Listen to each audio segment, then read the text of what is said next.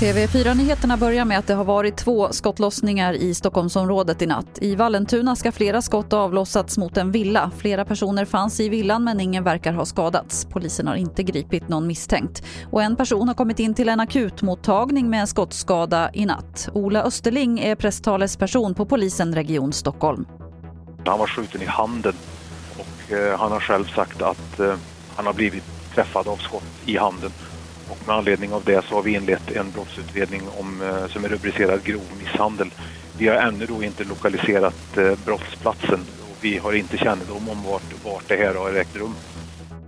Det är många unga och föräldrar som är rädda för att anmäla brott när barnen blivit rånade till exempel. Det säger polisen till SR och menar också att rädslan har ökat den senaste tiden. Det finns tidigare siffror som visar att mindre än hälften anmäler ungdomsrån och enligt polisen är den siffran troligen högre idag. Till sist kan vi berätta att nio av tio tunga fordon kör för fort förbi skolor. Det visar en studie som Folksam har gjort. Inte en enda buss höll hastighetsbegränsningen i studien utan körde i snitt 3,4 km i timmen för fort vid skolorna. Det var det senaste från TV4 Nyheterna. Jag heter Lotta Wall.